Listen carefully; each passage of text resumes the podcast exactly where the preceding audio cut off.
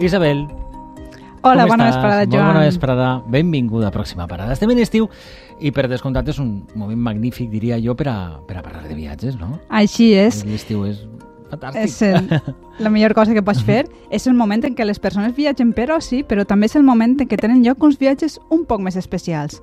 I un d'ells és del que vos parlaré avui.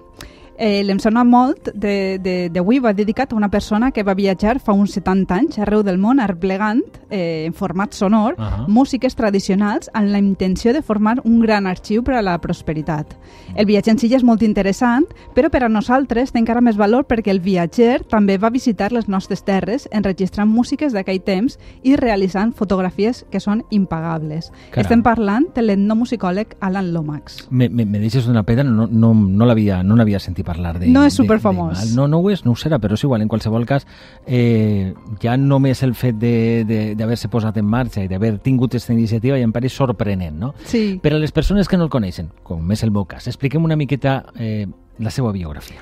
Doncs mira, Alan Lomax va néixer a principi del segle XX en els Estats Units i provenia d'una família ja vinculada a l'etnomusicologia, que és una paraula molt llarga. Això eh? no va sí? dir-te jo, eh, haurem de Vaig- definir sí. això d'etnomusicologia per a qui no sàpia què és. Sí, és la faceta etno de la musicologia, que això ja es pot deduir, Sí. i com el seu propi nom indica, es dedica a estudiar la part més social de la música, és a dir, quines són les funcions musicals, per què fan música en determinades situacions, Sí. amb quines músiques s'identifica cada col·lectiu i un llarg etc. Eh? Mhm. Històricament, l'etnomusicologia ha estat vinculada amb el folklore i la recollida de músiques tradicionals perquè fa molts anys que aquelles persones suposaven que l'essència dels pobles eh, es veia reflectida en els seus productes culturals i musicals. Mhm. Aleshores, els etnomusicòlegs dels inicis es dedicaven a aquesta recopilació de músiques i a pensar i reflexionar sobre elles. I podem dir que a això es dedicava este senyor, el senyor, senyor Lomax? Mm. Sí, de fet, el pare d'Alan Lomax, un senyor que es deia John Avery Lomax, ja era etnomusicòleg i es va dedicar la, la seva vida a recollir cançons del sud de, del país nord-americà fins al punt que acaba treballant per a la llibreria del Congrés, sí, que és molt important. I tant John com Alan Lomax Mhm. pensaven que no només la música clàssica o la música comercial mereixia estar a les biblioteques, sinó que era important entendre i guardar les músiques tradicionals de les classes treballadores, sí? d'ací la seva tasca.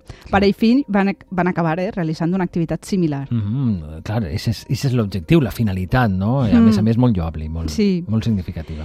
I era un objectiu lloable mentre no suposara reivindicacions per a les mateixes classes treballadores, clar, perquè això no li pareixia bé a tot el món. De fet, durant els inicis de la dècada Sí. del 1950, sembla ser que l'FBI sí, va acusar a Alan Lomax de pertinença a organitzacions comunistes. Ja estem. Sí, Ja de- estem sí, en, la, en, la, en la cançoneta de sempre. Au. Heu de pensar que en aquest moment s'acabava d'eixir de la Segona Sí. Guerra Mundial i estem en, en plena Guerra Freda, no? entre el bloc capitalista, que és el dels Estats Units, i el Mm. bloc comunista, que és que tenia al darrere la Unió Soviètica. Aleshores, en els Estats Units, ser acusat de comunista o un membre de l'esquerra radical podia resultar perillós, i Alan Lomax, eh, en l'excusa de que anava a recopilar cançons d'arreu del món, per encàrrec d'una discogràfica, hm, va picar sola cap a Europa. Ah, va Primer ser va- una, una fórmula també per a pegar a fugir. Sí, no? sí, Val. sí. Eh, i primer va estar a Londres i d'allí va planificar diferents viatges arreu del vell continent. Mm, I entre ells imaginem que també va acostar-se per la península ibèrica. Efectivament. I este viatge en detall ens l'explica la musicòloga Ascensión Mazuelanguita en el seu llibre Alan Lomax i Janet Bell en Espanya, eh, 1952-53, un volum que recomana fervorosament a totes les persones que tinguen curiositat per conèixer el folclorista americà i que és d'on extret algunes de les informacions que, que vos contaré avui. Mm -hmm. has, has parlat abans de, de la guerra, la Segona Guerra Mundial, que va pegar a fugir, però en quin any es, eh, ens situaríem Sí, estem en l'any 1952 i perquè ens situem mentalment vas a, vaig a posar-vos una música que ens traslladarà directament a l'Espanya d'aquell moment.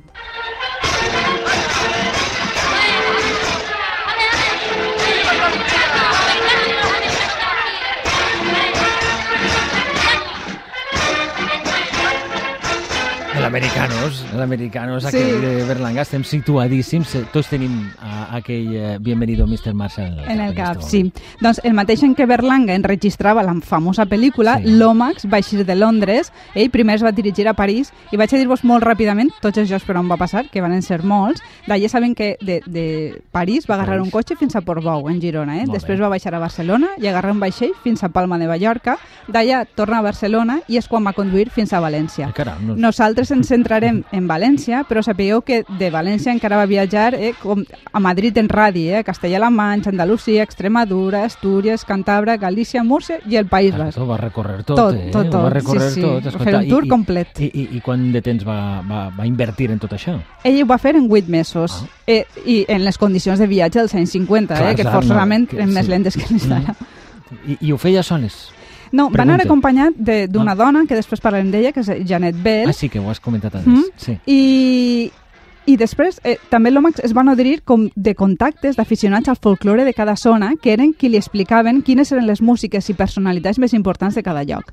Com ho va fer? Doncs va fer una cosa intel·ligent, que és que justament abans d'anar a València, l'Omax va assistir a un congrés de folcloristes que se celebrava en Palma de Mallorca i aleshores allí és on coneixeria les persones que foren el contacte en cada lloc. En el cas Ah. valencià va conèixer a un, a un senyor que li diem Pablo Garrido, que era un etnomusicòleg d'origen xilè, que en aquell temps no he sabut trobar ni com ni per què, residia en Tavernes de la Valldigna. Era xilè, però el tio vivia a Sí, Tavernes. sí. Bé. I també va conèixer el mestre Manuel Palau, que en aquell moment era el director d'una de les institucions dedicades a replicar música tradicional i aquestes foren un poc les persones que l'ajudaren a moure's eh, per, per l'entorn valencià.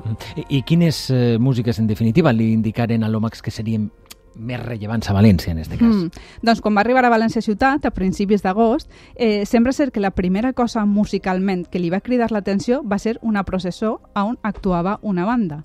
No sé quina festa seria a principis eh, d'este mes, però interpretaven les marxes de processó, adoració i fervor, que són marxes conegudíssimes, avui en Sí. dia encara, 70 anys després, i si voleu, posem un trosset. Vinga. Molt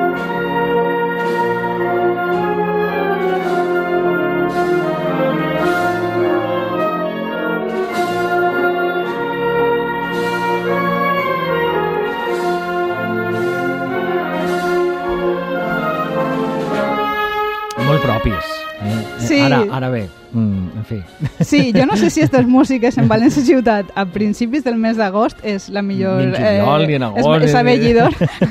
Però el cas és que això va ser la carta de presentació de la música valenciana. Mm. S'ha de dir que són dos marxes molt boniques, escrites per un valencià, Miguel Pasqual Ferrer, de Llíria. Ah, En qualsevol cas, de València mogueren l'excursió eh, a Tavernes de la Valldigna i se quedaren en casa d'este musicòleg xilè Pablo Sí. Garrido. Allà, allà hi havia un, un jove de nom Pedro que, entre altres, parlava anglès. Aquest detall no l'havíem nomenat, però clar, condicionava molt la recerca, Ah, ja que sí, en aquell temps no només seria difícil comunicar-se en anglès, sinó, segons com en castellà també, en zones valenciano També parlants que veres, encara, també és encara parlaven exclusivament valencià. sí. I, i, i clar, i, i com s'ho feren? Si, si parlaven anglès o mig, o mig mar, feien, Castellà, feien, sí. feien espardenyers en castellà no? No, i, no coneixien la gent Mm. ni el context. Doncs pel que he entès, Pablo Garrido els va presentar a homes i dones de la localitat que interpretaren diverses cançons per a ells. Mm. Després de la interpretació, que l'Òmax i, i Bell la enregistraven, una autoritat municipal de nom Amadeu Magraner transcrivia les lletres en, en valencià en un quadern i un altre xic que havia viscut en els Estats Units, Ricardo Gil, les traduïa a l'anglès per a que Ai, pogueren mare. entendre què dia la lletra. Enregistraren un poc de tot, eh? albaes, cançons de batre, cançons de bressol, nadales, de Pasqua, cants de venedors, etc. A més, l'Omas realitza nombroses fotografies que, a més, podeu trobar en internet. Eh? De vegades són consultes en una web que es diu eh, Association for Cultural Equity. Que meravella. Escolta, i seria possible per sentir alguna d'aquestes gravacions? Sí, sentim un fragment, per exemple, És un això. cant de batre, sí. Faena,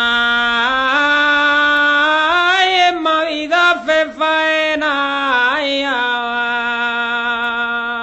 xollaó, i no me falta mai un quinze. Eh, eh, escolta, sona molt bé Sí. per, al, per al temps que tenen aquestes gravacions ja d'entrada, no? m'imagino que ja tindrien un equip més o menys ja de Mm. qualitat no? per a poder-ho per a poder enregistrar, però clar, també entenc que aquella, aquell, aquells passos de, de traducció no? del valencià a Mm. l'anglès i per a que poguera entendre. Seria una aventura Seria una- totalment, sí, sí, totalment. Mm. I també us he portat, eh, que a més aquells cants en, eren en, en, en directe, no? en un moment en què la música encara s'interpretava en, en el camp, no? Sí. I ara escoltarem una cançó de Bressol. Era que el fill s'alarga la mare canta.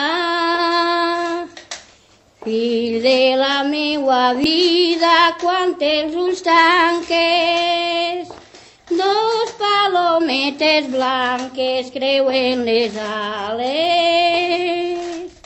i... Emociona, eh? Sí, Mira emociona, més en muntar-la. Sí, sí, sí, sí, és que és... És bonic. I bé, aprofite que, que canta una dona per a parlar-vos un poc més de l'acompanyant de Janet Bell, que era la seva companya, Mm. i a més de- d'acompanyar-lo, no? Janet Bell va col·laborar a l'hora de eh, relacionar-se amb els altres homes. Clar, en aquell temps dels anys 50, eh, que vinguera un estranger i es relacionara en aquell temps a unes rols de gènere estaven tan marcats. Sí, Mm, sí, mm. no era fàcil. Sí. I també coneixem les vivències de Bell gràcies a una espècie de memòries que ella va escriure durant el viatge. Bell era anglesa i és, són molt curioses de llegir perquè contínuament està queixant-se de la calor. És una cosa que, pobra, Està va de portar sal, la prou pobra. malament. Jo Ja. vos remet al llibre d'Ascensió Mazuela per a que les llegiu, Sí. eh, perquè també és molt interessant veure com ella va aconseguir establir relacions eh, amb altres xiques a l'hora de comunicar-se, dos persones que no parlaven bé la, la llengua de Ni les el altres. valencià no? ni el castellà, Eh, clar. sí. Mhm. I de tot, eh, el que m'ha resultat més curiós també com a valenciana eh, eh, eh, és que a les cartes ella pren molt d'interès, de fet és una de les cartes més llargues, en escriure com es fa una paella. Calla. Sí, eh, escriu, la veritat és que ho vol escriure perquè té la intenció de reproduir-ho a Londres. El tema ja estava al mig de la taula, el tema en majúscules Sí, ja estava al mig anys de la 50. taula en aquella època. Sí, Escolta, tu. i clar, conforme va escrivint, diu, val, jo ara estic escrivint tots els passos, però no sé com ho vaig a fer per a Londres, per exemple, fer, fer un, una foguera al mig de la cuina o trobar granotes. Ella, ella mateixa anava narrant tots els passos i pensant les dificultats que tindria per a, per a reproduir allí, no? I una cosa molt sorprenent, que és com m'acaba la carta, que es diu, jo em sorprèn molt que haguem passat tot el diumenge, o sigui, tot un dia, eh, entorn un plat, entorn la creació d'un plat. Primer conta com, per exemple, mataven a, a ocells per a posar-los, pardalets per a posar-los dins, com, com això, com operaven, per dir-ho així, les, Sí, sí. les granotes, com feien a partir des fetges, fent les, bueno, tot això, les mandonguilles, tot això, ella Mm. ho conta absolutament sorpresa i és molt curiós de llegir. Escolta, Mm. Eh, tot això de tavernes de, de la... de la tot això passava a, A tavernes, tavernes, de la sí. Valldigna i això és una narració, eh, vull dir, una... una Situació real narrada per una anglesa, sí. Va visitar més llocs? eh? Sí, A la- encara va visitar dos jocs més. Primer es va desplaçar de Tavernes a Castelló de la Ribera per enregistrar a la banda de música d'allí. Mm? Entre altres peces populars, allò que es va elegir com a més representatiu de, de ser valencià és Locant del València Mm. i també enregistrar un pas doble titulat Com les pròpies roses, que ara podem escoltar també en l'enregistrament que va fer ella a l'Anlomax. O sigui,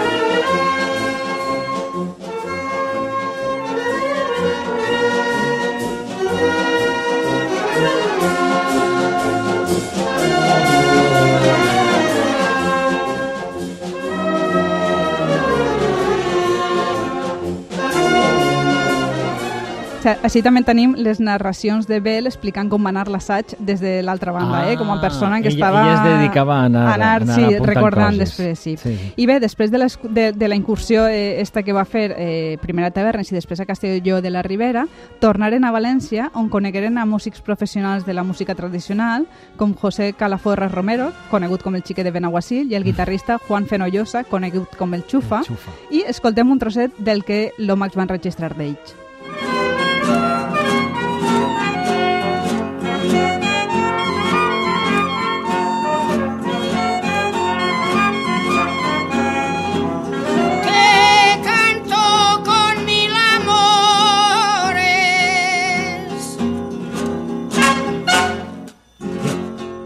Que valencià és tot, eh? Sí, sí, sí, va triar, va triar bé.